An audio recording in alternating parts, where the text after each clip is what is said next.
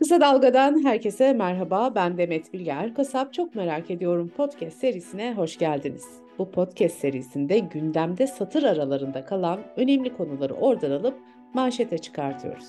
Üçüncü programda konumuz yerel seçimler. 31 Mart 2024'te yapılacak yerel seçimler.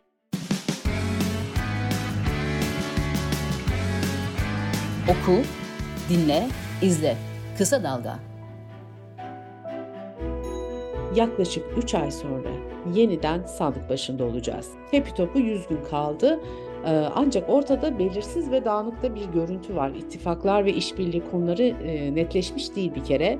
E, ayrıca özellikle muhalefet dağınık görünüyor. Yöneylem Sosyal Araştırmalar Merkezi Direktörü, siyaset bilimci doçent doktor Derya Kömürcü ile parti parti konuşarak önümüzdeki tablonun 31 Mart'a nasıl yansıyacağını anlamaya e, çalışacağım. Hocam size hemen ilk soru olarak şunu sorayım. Yani ne dersiniz? Siz de böyle görüyor musunuz? Dağınık, belirsiz, flu bir ortam. Yani eğer bu soruyu işbirliği, ittifak meselesi üzerinden ele alacak olursak evet gerçekten hani ortada dağınık bir tablo var ya da yavaş yavaş netleşen ve dağınık kalacak bir tablo var diyebiliriz. Ama hani 100 gün kaldı, adaylar çok belli değil gibi bir bakış açısı da çok doğru değil. Yani bence normal takviminde ilerliyor hani adaylaşma süreçleri. Ama tabii ki şimdiye kadar özellikle İstanbul, Ankara gibi büyük şehirler için e, muhalefetin çok daha net bir tablo çiziyor olması gerekirdi. Sadece yani burada özellikle İstanbul'dan bahsedecek olursak e, yani sadece İyi Parti ile CHP'nin işbirliği yapıp yapmaması değil, aynı zamanda DEM Parti'nin de nasıl bir tavır takınacağı e, çok belirleyici olacak. Özellikle İstanbul'da. E, o yüzden evet yani belirsizlikleri hala çok fazla olan bir seçim süreci içindeyiz. Tabii siyaset olunca soru çok, analiz çok biliyorum hocam ama e, parti parti gidersek belki daha değerli toplu olur. E, muhalefetten ve hatta İyi Parti'den başlayalım. En hareketli yer İyi Parti çünkü. E, ittifaklara e, kapılarını kapattılar ama e, İyi Parti'de büyük bir dalgalanma oldu. Herkesin sorduğu o klasik soruyu sorayım hemen. E, İyi Parti ne yapıyor? E, partide neler oluyor? Yani bence İyi Parti'yi doğru anlamak gerekiyor. Yani bütün bu işbirliği, ittifak kararlarından da önce İyi Parti'yi doğru anlamak gerekiyor. Yani İyi Parti kurulduğunda evet MHP'den ayrılarak kurulan bir partiydi ama kuruluş iddiası işte bir diğer milliyetçi parti olmak değil, Türkiye'de merkez siyasetteki boşalan alanı doldurma iddiasıydı. Bir sürü siyasetçi de yani hem var olan hem de siyaset yapmak isteyen insan da İyi Parti'ye bu vaatle gittiler. Ve bu seçim öncesinde yani 14 Mayıs seçimleri öncesinde İyi Parti'deki siyasetçiler bir Türkiye okuması yapıyorlardı. Yani Türkiye'de merkez boşalmış durumda. Önümüzdeki seçimde Erdoğan ve AKP kaybedecek. Onlar kaybettiğince kaybettiği zaman merkezde ciddi bir alan boşalacak ve İyi Parti o alanı dolduracak. Bir merkez parti olacak. Hatta %20'nin üzerine çıkan bir parti haline gelecek. Yani okuma buydu. Şimdi seçimden sonra bu başarılamadığı için yani seçim kazanılamadığı için İyi Parti de en azından bu okumayı yapanların iddiası boşa çıktı. Bu da tabii ki parti içindeki güç mücadelesinde, diyelim ki merkez kanatla milliyetçi kanat arasındaki güç mücadelesinde milliyetçi kanadın elini kuvvetlendirdi ve şu an gördüğümüz şeylerden birisi aslında parti içinde yaşanan bir güç mücadelesi. Bunu çok açık görebiliyoruz. İkincisi İyi Parti'nin merkez parti olmasını bekleyerek oraya yönelen seçmenler, siyasetçiler, Taşra'daki e, yerel siyasetçiler bunların hepsi bir hayal kırıklığı yaşadılar. Alınan kararlardan sonra da daha da büyük bir hayal kırıklığı yaşıyorlar ve kendilerinde bir siyasi gelecek göremiyorlar bu partinin içinde. Dolayısıyla istifaların işte partinin bu şekilde çalkalanıyor olmasının da e, çok normal olduğunu düşünüyorum.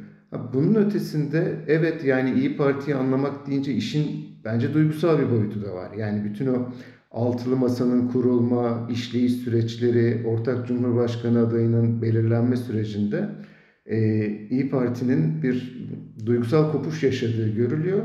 Ama sadece duygusal boyutla açıklanabilecek bir şey değil bu. Yani hani hiçbir parti kendisini duygusal olarak e, hırpalandığı için imha etmeye çalışmaz. Yani bu akılcı değil, rasyonel değil. Dolayısıyla ben İyi Parti'nin o Türkiye okumasını değiştirdiğini düşünüyorum. Yani onlar AKP ve Erdoğan gidecekler. Merkezde bir alan açılacak.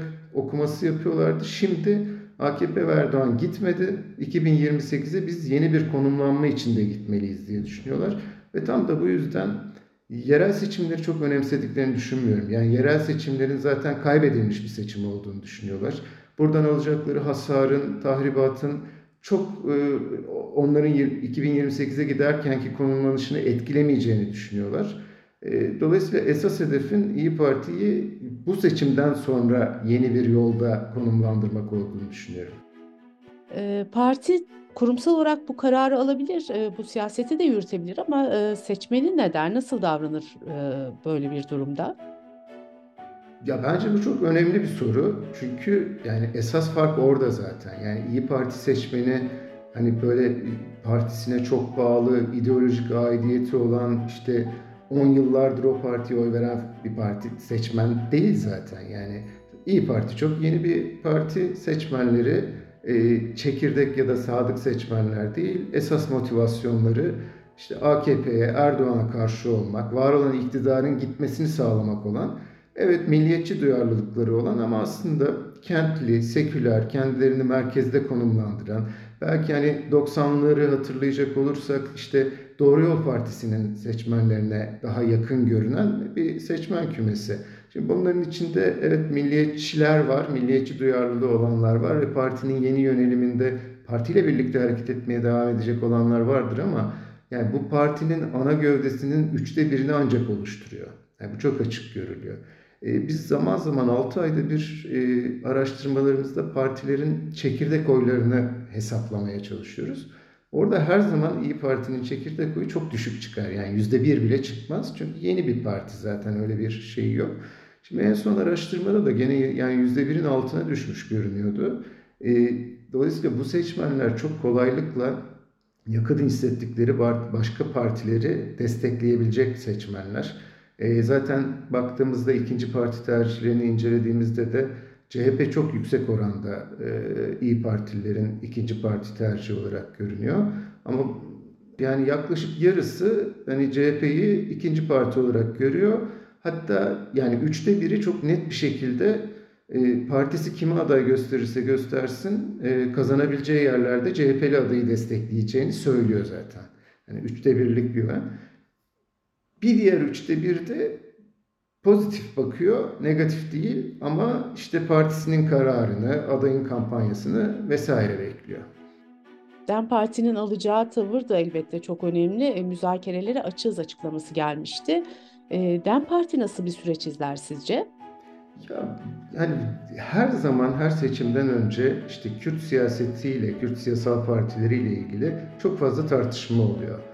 Onunla mı ittifak yapacak, onunla mı işbirliği yapacak, iktidarla son dakikada iktidarla işbirliği mi yapacak gibi çok fazla tartışma çıkıyor. Ya ben bunları bir yandan doğal karşılıyorum ama bir yandan da yani çok da hakkaniyetli görmüyorum açıkçası. Her siyasal partinin nasıl herkesle görüşmeye hakkı varsa bu siyasal partinin de sürekli ismi değişmek zorunda kal kalsa bile işte DEM Parti'nin, HDP'nin, HDP'nin e, hangi parti dersek Yeşil Sol Parti'nin hepsinin e, her partiyle görüşmeye hakkı var. E, sonuçta herkes çıkarlarını maksimize etmeye çalışıyor bu süreçte. Ama bunun dışında yani bizim bilmediğimiz uzaydan gelen partiler değil bunlar. Yani bu bu partilerin politik bir duruşu var, tarihsel bir mücadelesi var, ideolojik bir pozisyonlanması var. Dolayısıyla bunlar hani istediği dedikodu çıkarsa çıksın e, belli partilerle yan yana asla gelemeyecek partiler oldu. Ya da işte belli pazarlıklar yapıldığında kimin kime ne kadar güvenebileceği, hadi kayyum meselesi diye adını da koyalım. E, yani çok tereddütlü yaklaşacakları açıkçası görülüyor. Bence burada CHP doğru bir hamle yaptı. Yani CHP Genel Başkanı Özgür Özel e, açık bir siyaset izlemeyi tercih etti ve hani gelebilecek tepkileri de göze alarak hatta 14 e, Mayıs sürecindeki en büyük e, suçlamanın oradan geldiğini bildiği halde terörle tırnak içinde terörle işbirliği e, suçlaması e, hiç kapılar kapalı kapılar arkasında falan yapmadan açıkça kamuoyunun önünde ziyaret etti, görüştü, ortak basın açıklaması yapıldı. Ben bunların Dem Parti tabanında olumlu yansıyacağını düşünüyorum. Zaten yani bu süreçte Türkiye'nin Türkiye siyasetinin özgünlüklerinden kaynaklı olarak öyle e, Dem Parti'nin herhangi bir partiyle açık bir işbirliği ya da ittifak yapabilmesi bence mümkün değil. E, dolayısıyla se seçmenine doğru bir e, mesaj vermek, doğru bir iletişim kurmak önemli olacaktır. Ondan ötesi örneğin İstanbul'da Dem Parti'nin aday çıkarıp çıkarmayacağı ya da aday çıkarırsa bunun ne kadar yüksek profilli olup olmayacağı olacaktır. Ama e, İyi Parti ile kıyaslayacak olursak hani seçmen tabanı açısından şimdi Dem Parti seçmenleri de e, kendi partisinin kazanamayacağını düşündüğü bir yerde yakın hissettiği partinin adayını desteklemek eğiliminde. E, özellikle belediye seçimlerinde. Çünkü yani yerel seçimler biraz seçmenlerin stratejik düşündüğü, yani ideolojik olarak e, tavır almak yerine işte bana yakın olan aday kazansın, iyi hizmet alayım diye baktığı şeyler, seçimler. Ama tabii yine de İyi Parti ile kıyaslayacak olursak Dem Parti seçmeninin parti bağlılığı, parti disiplini çok daha yüksek. E, çoğunun ideolojik politik argümanlarla oy kullandığını biliyoruz. Dolayısıyla orada merkezi olarak DEM Parti e, yöneticilerinin vereceği her mesaj e, DEM Parti seçmeninin kimi ne kadar destekleyip desteklemeyeceğini etkileyecektir diye düşünüyorum.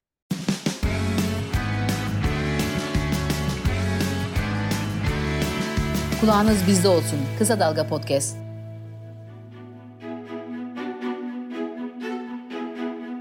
CHP lideri Özgür Özel e, işbirliği umudunu koruduğunu söylemişti. CHP'de zaten çalışmalar sürüyor. Kimi adaylar açıklandı hatta. E, peki Özgür Özel'in dile getirdiği bu umutlu durum boşa düşerse e, hatta genel olarak söyleyeyim. Bu seçimde hiçbir ittifak ya da işbirliği olmazsa ne olur? E, yani işte dediğim gibi yerel seçimler dinamikleri çok farklı seçimler. Yani şimdi Türkiye geneline toptancı bir analiz yaparak bir şey söylemem doğru olmaz. Yani tek tek her yeri konuşmak gerekir. Her yerin ayrı ayrı özellikleri, dinamikleri var. Yani ben buradan baktığımda işte Akdeniz'deki bazı illerde CHP'nin rahat kazanabileceğini görüyorum. İşte Ankara'da Mansur Yavaş'ın çok daha geniş bir e, seçmen tabanına, CHP'yi aşan bir seçmen tabanına seslenebildiğini görüyorum.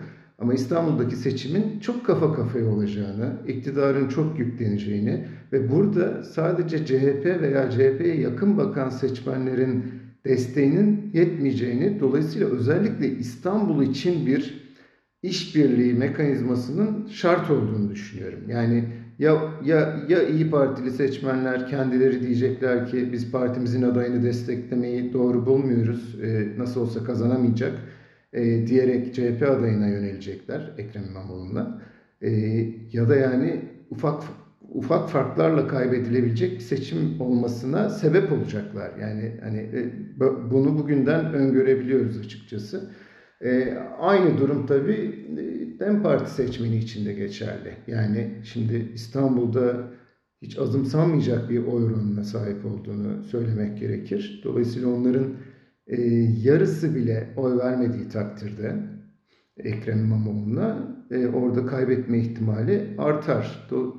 O yüzden de son dakikaya kadar evet işbirliği kapısını açık bırakmak gerekir. Bu tüm Türkiye genelinde olacak anlamına gelmez ama yani son dakika İstanbul'daki aday e, şunun lehine çekiliyorum diye bir açıklama yaptığında e, çok ciddi bir pozitif etkisi olacaktır mesela. Öyle değerlendirmek gerekir bence. Mayıs seçimlerinden sonra işte muhalif seçmende umutsuzluk var. E, siyasete küstü diyenler oldu. Bu konuda yazıldı, çizildi. E, şu ana kadar konuştuğumuz tablo e, muhalif seçmeni, muhalif kamuoyunun sandığa gitmesini engeller mi? E, o tabloda bir toparlanma var. Çok açık görülüyor. Son iki aydır bir toparlanma var. Ama önce şunu tespit edelim. Yerel seçimlere katılım her zaman biraz daha düşük olur. Yani katılım oranı biraz daha düşük oldu diye önümüzdeki seçimde hani şunu diyemeyiz işte insanlar tepki gösterdiler ve sandığa gitmediler değil. 2019'daki seçime göre kıyaslayıp bakmak gerekir. E, orada da çok fark olacağını düşünmüyorum. Ama çok haklısınız. 14 Mayıs'tan ve 28 Mayıs seçimlerinden sonra özellikle muhalif seçmenlerde çok ciddi bir tepki gelişti. Siyasete küsme durumu e, ortaya çıktı. Ve yani oy kullanmayacağını söyleyenlerin oranı çok yüksek oranlara çıkmıştı.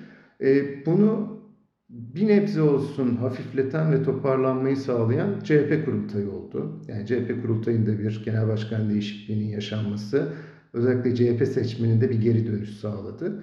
Ama aynı zamanda da hayatın akışı bunu sağlayan şey. Yani şimdi bir yenilgiden çıktığınızda çok üzgün, çok mutsuz, çok küskün olabiliyorsunuz ama hayat size her zaman yani bu üzüntülerle nasıl başa e, baş edeceğinizi e, öğretiyor, gösteriyor.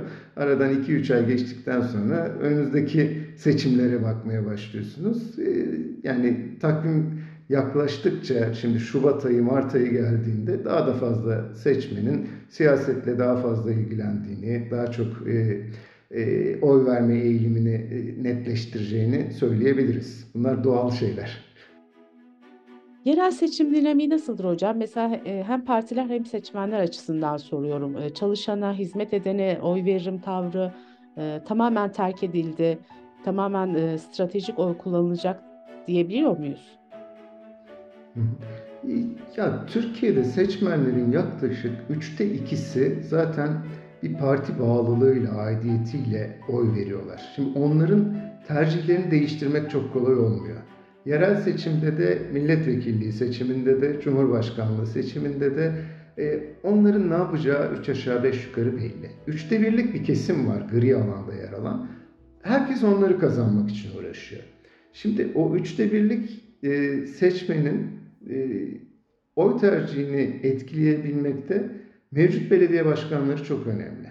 Yani eğer siz başarısız bir dönem geçirmediyseniz, düzgün bir hizmet verdiyseniz, insanlar sizi başarılı bir belediye başkanı olarak algılıyorlarsa siz zaten yarışa bir adım önde başlıyorsunuz. Yani bu o üçte birlik gri alandaki seçmen e, için söylüyorum. Onlar evet hizmete bakıyorlar ve dolayısıyla burada hani CHP'nin en azından kazandığı belediyelerde çoğunda diyelim e, böyle bir avantajı var. Hani e, işbirliği konusu bir dezavantajsa burada da bir avantaj olduğunu e, görmek gerekiyor. Burada sadece bir handikap var şimdi. Bu seçimle 2019 arasında bir handikap var. 2018'de AKP ve Erdoğan seçimi kazandığında aslında kamuoyundaki hissiyat şuydu. Sonsuza kadar Erdoğan kazanacak değil, bundan sonraki seçimde kaybedecek hissi vardı. Çünkü işte 7 puan düşmüştü, ucu ucuna kazanabilmişti vesaire ve hemen arkasından yerel seçimlerde de doğru bir stratejiyle çok büyük bir başarı elde edildi. Dolayısıyla 2023 14 Mayıs'ına gelirken biz o başarının da etkisiyle bu sefer Erdoğan gidiyor hissiyle seçmenler. Yani biz kazanacağız muhalif kamuoyu, biz kazanacağız hissiyle sandığa gitti. Şimdi ne yazık ki handikap olan şey şu, kazanma hissini kaybetti muhalefet. Yani muhalefetin, CHP'nin, CHP'li yöneticilerin, siyasetçilerin yapması gereken şey, bütün adayların yapması gereken şey seçmene biz kazanacağız hissini vermek. Yeniden o hissi uyandırmak. Çünkü eğer bu hissi uyandıramazsanız, yani şu his devam ederse Öyle ya da böyle Erdoğan bu ülkeyi yönetmeye devam edecek. Öyle ya da böyle AKP bu ülkeyi yönetmeye devam edecek hissi devam ederse bu sefer insanlar şunu söylerler. E, o zaman iktidarda kalacak olan partinin adayına oy vereyim de yerel seçimde, belediye başkanlığında daha çok hizmet alırız biz yerelde diye düşünmeye başlarlar. O yüzden evet yerel seçimin dinamikleri farklı genel ama bunlar birbirini bütünleyen şeyler. Yani genel olarak da, da Türkiye genelinde de bu iktidar ülkeyi yönetemiyor. Bu ülke yani AKP erimeye devam ediyor. Şimdi 2018'den 2023'e 7 puan daha düşmüş bu Fuat'ın boyu. Bunlar hiç dile getirilen şeyler değil. Oysa bunlar gerçek yani. Bunlar yorum bile değil. Hani rakamların çok açık gösterdiği şeyler. Erdoğan ancak farklı farklı e, ittifak stratejileri geliştirerek, siyasi mühendislikler yaparak, devletin tüm imkanlarını, medyanın imkanlarını kullanarak yeniden seçilebilmeyi başardı. Şimdi bunu kamuoyuna anlatamazsanız o zaman yereldeki başarılarınız biraz havada kalıyor. Aynı zamanda genel büyük siyaseti de anlatması gerekiyor muhalefetin. Bu muhalefet cephesi e, konusunu kapatmadan e, sol partileri de sormak istiyorum. Bu denklemde nasıl e, rol oynar sol partiler? Yani şimdi yerel seçimler bir açıdan çok dezavantajlı seçimler çünkü en yüksek oyu sadece alanın e, belediye başkanını kazanabildiği. Dolayısıyla hani e, çok büyük bir sıçrama yapsanız bile belediye başkanlığına yaklaşamadığınız seçimler bir boyutuyla. Ama bir boyutuyla da eskiden beri e, baraj olmadığı için e, özellikle hani baraja takılan partilerin kendilerini gösterip siyaset yapabildiği bir alan olarak biz hep e, görürdük. Hani en azından şu ilçede güçlüyüm, şu ilde güçlüyüm, şu beldede düzgün bir adayım var diyen e, sol partilerin hani kendilerini gösterebildiği bir alandı. Şimdi bir böyle bir boyutu olacaktır yine. Yani e, hani sol sosyalist partilerin güçlü olduğu il, ilçe, beldeler olacaktır. Orada e, fark yaratıp işte sol sosyalist halkçı belediyeciliği sergilemek, göstermek isteyeceklerdir. Ama bunun dışında da e, özellikle mesela Türkiye İşçi Partisi'nin belki şöyle bir imkanı da olabilir. Aldığı büyük kentlerde aldığı oy oranlarına bakacak olursak belediye meclisi üyeliklerini rahatlıkla zorlayabilecek bir e, oy oranına ulaştıkları görünüyor. Bu tabii e, sizin oyunuzla belediyeyi denetleme imkanı sağlar. Yani orada güvenebildiğiniz siyasetçilerin belediye meclislerinde e, yer alması e, böyle bir imkan sağlar ve hani seçmene doğru anlatılırsa da bunun e, işe yarayabilecek bir söylem olduğunu düşünüyorum. Deva Gelecek ve Saadet Partilerini de sorayım hocam sizi yakalamışken her şeyi sormak istiyorum. Şimdi kendi adaylarıyla gireceklerini söylediler ama hep de bir işbirliğine yeşil ışık yakma durumu da var. Yani eğer bu seçime de eğer bu seçime de tek başlarına girmeyeceklerse neden neden kurulduklarını sorgulamak gerekir. Ee, yani çünkü hani Cumhurbaşkanlığı seçiminin doğasından kaynaklı böyle bir e, ittifak evet kaçınılmaz ve anlamlı ama hani siz bir parti kuruyorsanız ve bir iddianız varsa bu iddiayı en azından yerel seçimde dile getirmeniz gerekir. Ama bizim araştırmalarımızda ne DEVA ne de Gelecek Partisi'nin e, çok güçlendiğini gösteren e, bulgular yok açıkçası. E, yani çok yer genel seçim öncesindeki seviyelerinde devam ettiklerini görüyoruz. O da yani çok güçlü oranlar değildi.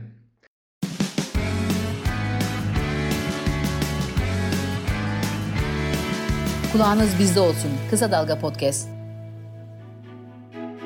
Şimdi Cumhur İttifakı'na bakabiliriz. AKP-MHP arasında e, perde arkasında bir gerilim var deniyor ama muhalefet gibi görünürde parçalı bir tablo yok. E, ancak orada da yeniden refahın iktidarı eleştiren açıklamaları oluyor sık sık. Cumhur İttifakı'nın e, seçmeni bu tabloyu sizce nasıl görüyor? E, yeniden refahın eleştirileri e, onlar da etkili oluyor mu? MHP'nin tavrı sizce nasıl yankı buluyor seçmende?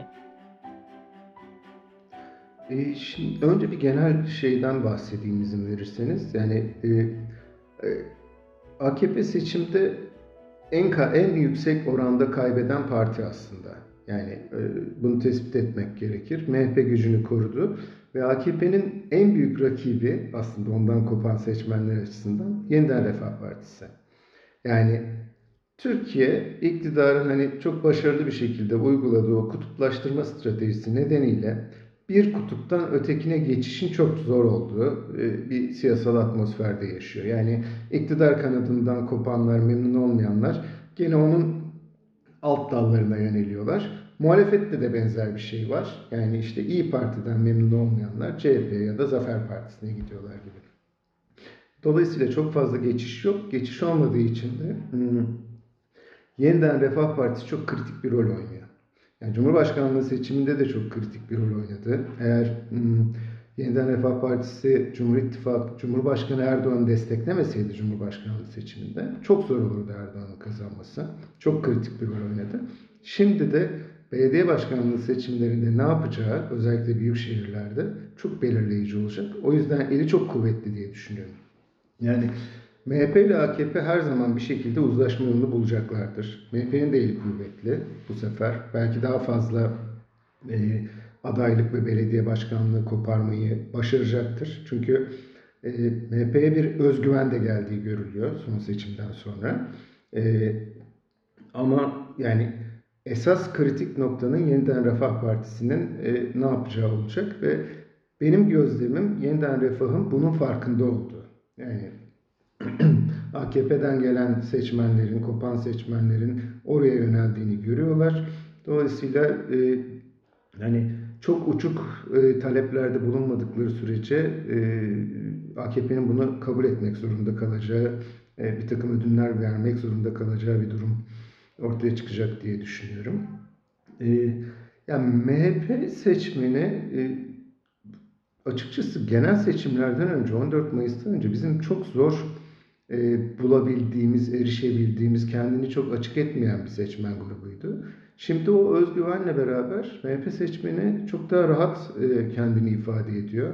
E, öncesinde mesela AKP'ye oy vereceğim diye kendini gizleyenler şimdi çok açık bir şekilde MHP'ye oy vereceğini söylüyorlar.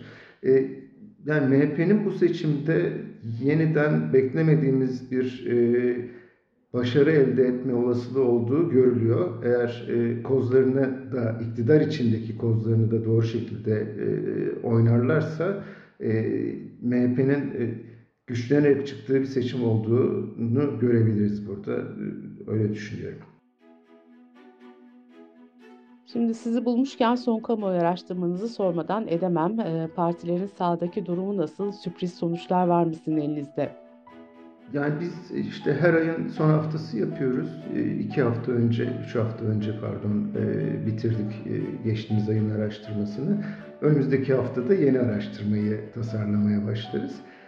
Yani son araştırmada çok büyük değişimler olmadığını görüyoruz. En büyük farkın İyi Parti'nin son bir aydaki o çalkantılı görüntüsünden kaynaklanan bir erime olduğu çok açık görülüyor. Yani İyi Parti'nin oy oranı neredeyse yarısına düşmek üzere. Yani genel seçimde aldığı e, oyun yarısına düşmek üzere e, o kadar e, ciddi bir kopuş var. Ama bu kopuş şöyle bir kopuş. Yani işte İyi Parti'den vazgeçip e, şu parti şu parti diye dağılmaktan ziyade üçte biri oy kullanmayacağım ya da kararsızım diyor. Yani bunlar tekrar bütün bu türbülans dağıldıktan sonra İyi Parti'ye geri de dönebilirler. O yüzden yani çok net bir tablodan bahsedemeyiz ama şunu söyleyebiliriz. E, bu tabloda Zafer Partisi büyüyor. Yani Zafer Partisi'nin hani kalıcılaşan bir karşılığı olduğu e, görülüyor e, toplumda. Ana akım siyasal partilerdeki sorunlardan kaynaklı olarak. Yeniden Refah Partisi büyüyor. Yani iktidar sonuçta bütün bu ekonomik krizi çözemediği bütün Türkiye'nin bütün sorunları devam ediyor. Yani seçim geçti. Herkes çok umutluydu. İşte muhalifler iktidar değişecek her şey e, daha güzel olacak diye düşünerek girdi. Ama iktidarı destekleyenler de seçime kadar biz bunları çekeceğiz ama seçimden sonra kazandığımızda yeniden her şey güzel olacak, sorunlar çözülecek diye düşünüyordu. Hiçbir şey çözülmedi. Dolayısıyla iktidarı eleştirenler, o taraftakiler yeniden refahı büyütmeye devam ediyorlar. Bu tarafta da e, bir boyutuyla da üçüncü bir parti daha var. Türkiye İşçi Partisi gene son seçimde hani dikkat çekici oy oranına ulaşan. Türkiye İşçi Partisi'nin de iki ay öncesine kadar çok ciddi bir büyüme içinde olduğunu görüyorduk. Bu sefer CHP içindeki değişim e, orayı biraz frenlemiş görünüyor. Yani CHP'nin içindeki daha sol e, seçmenin işte parti yönetimini eleştirip tipe yöneldiğini görürken biraz o, orada bir e, duraklama yaşandığını gördüğümüzü söyleyebilirim. Evet, yani bu partilerin kendilerini e, Türkiye siyasal sistemi içinde kalıcılaştıracak kadar seçmen desteğine sahip olduğu görülüyor şu anda. Bu, bu önemli. E, yani bazen bazı seçimlerde konjonktürel olarak partiler yükselirler, sonra hızla e, destek kaybederler. Yani burada açıkçası şey siyasetteki tıkanmadan kaynaklı olarak bu üç partinin de e, bir seçmen karşılığı olduğu görülüyor. Hocam şunu da sormak istiyorum. Şimdi umutsuzluk dedik, siyasete küsme dedik. E, Mayıs ayından beri muhalefete yönelik muhalif seçmenin eleştirileri dedik. Hem sağdaki izlenimleriniz hem önünüzdeki tabloya baktığınızda, tavırlara baktığınızda kıyı şeridi değişir mi sizce bu seçimde? Yani açıkçası hani ben, ben böyle bir bulguyla karşılaşmadım. Yani kıyılardaki e, muhalif e, destek devam ediyor. Orada e, yani muhalefet partilerine yönelik eleştiri artmış durumda ama e, bunun özellikle yerel seçimlerde e, bir sonuç doğuracağını e, ben çok fazla düşünmüyorum. Tam tersine yani yeniden yani bu seçmenlerin sadece eğer belediye başkanlığında alacakları hizmet odaklı yaklaşıyor olsalardı belki farklı düşünüyor olabilirdik ama Türkiye'de siyaseti anlamak için hala elimizdeki ana kavram kutuplaşma kavramı. Yani Türkiye toplumu ortadan ikiye bölünmüş durumda ve işte e, bazı illerde yüzde 70 oranında iktidara destek var. Bazı illerde de yüzde 60-65 oranında muhalefete destek var ve yani bu destek muhalefet her şeyi çok iyi yaptığı için değil, iktidar beğenilmediği için ya da öbür tarafta kendilerini kültürel olarak, tarihsel olarak muhalefete çok uzak gördükleri için bu sefer beğenmeseler bile iktidarı destekliyorlar. Ama e, ben aslında başka bir yerden de bakılabileceğini düşünüyorum. Şimdi e, genel seçimler o kadar hmm, Erdoğan gitsin mi kalsın mı tartışması üzerinden yürütüldü ki orada Erdoğan'ı çok seven iktidar e, seçmenlerinin tercih değiştirmesi çok zordu. Yani son kez o isteyen Erdoğan'a o oyu vermemek çok zordu esas cezalandırmanın, iktidarın bütün bu ekonomi alanındaki başarısızlıklarından kaynaklı esas cezalandırmanın yerel seçimde olabileceğini düşünüyoruz.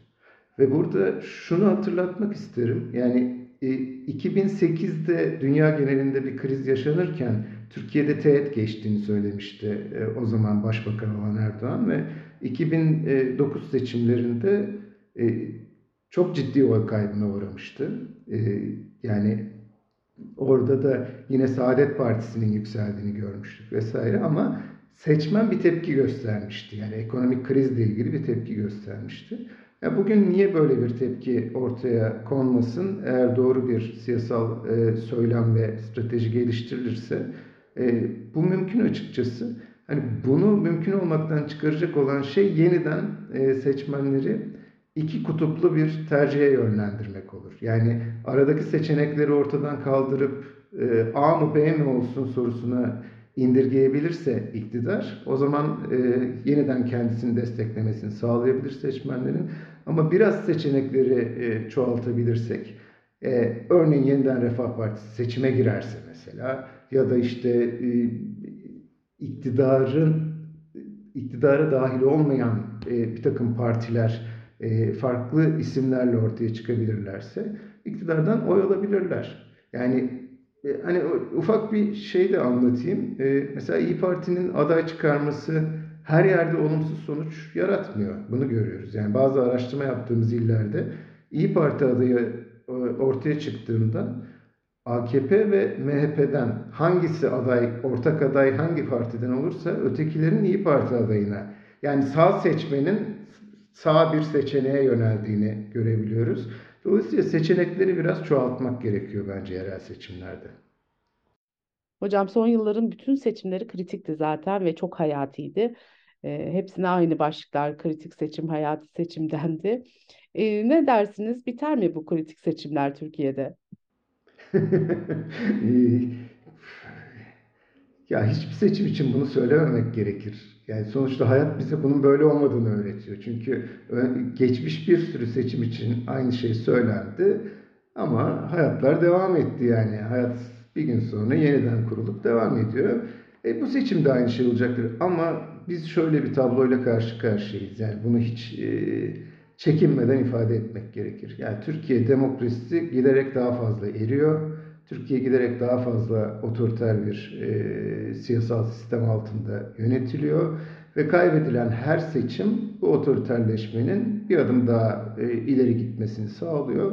Dolayısıyla evet yani hani ne zaman hangi seçimden sonra bu geri döndürülemez bir noktaya varır onu bilmiyorum ama e, yani 14 Mayıs seçimlerini kaybetmek de çok büyük bir kırılmaydı. E, aynı şekilde önümüzdeki seçimde işte İstanbul'u, Ankara'yı, başka büyük şehirleri kaybetmekte bu iktidarı mutlaklaştırmak açısından e, çok kritik olacaktır. Dolayısıyla evet çok önemli. Yani yine yine çok önemli bir seçim. O yüzden herkes oy versin. Sandığa gitmemezlik yapmasın, küsmesin yani.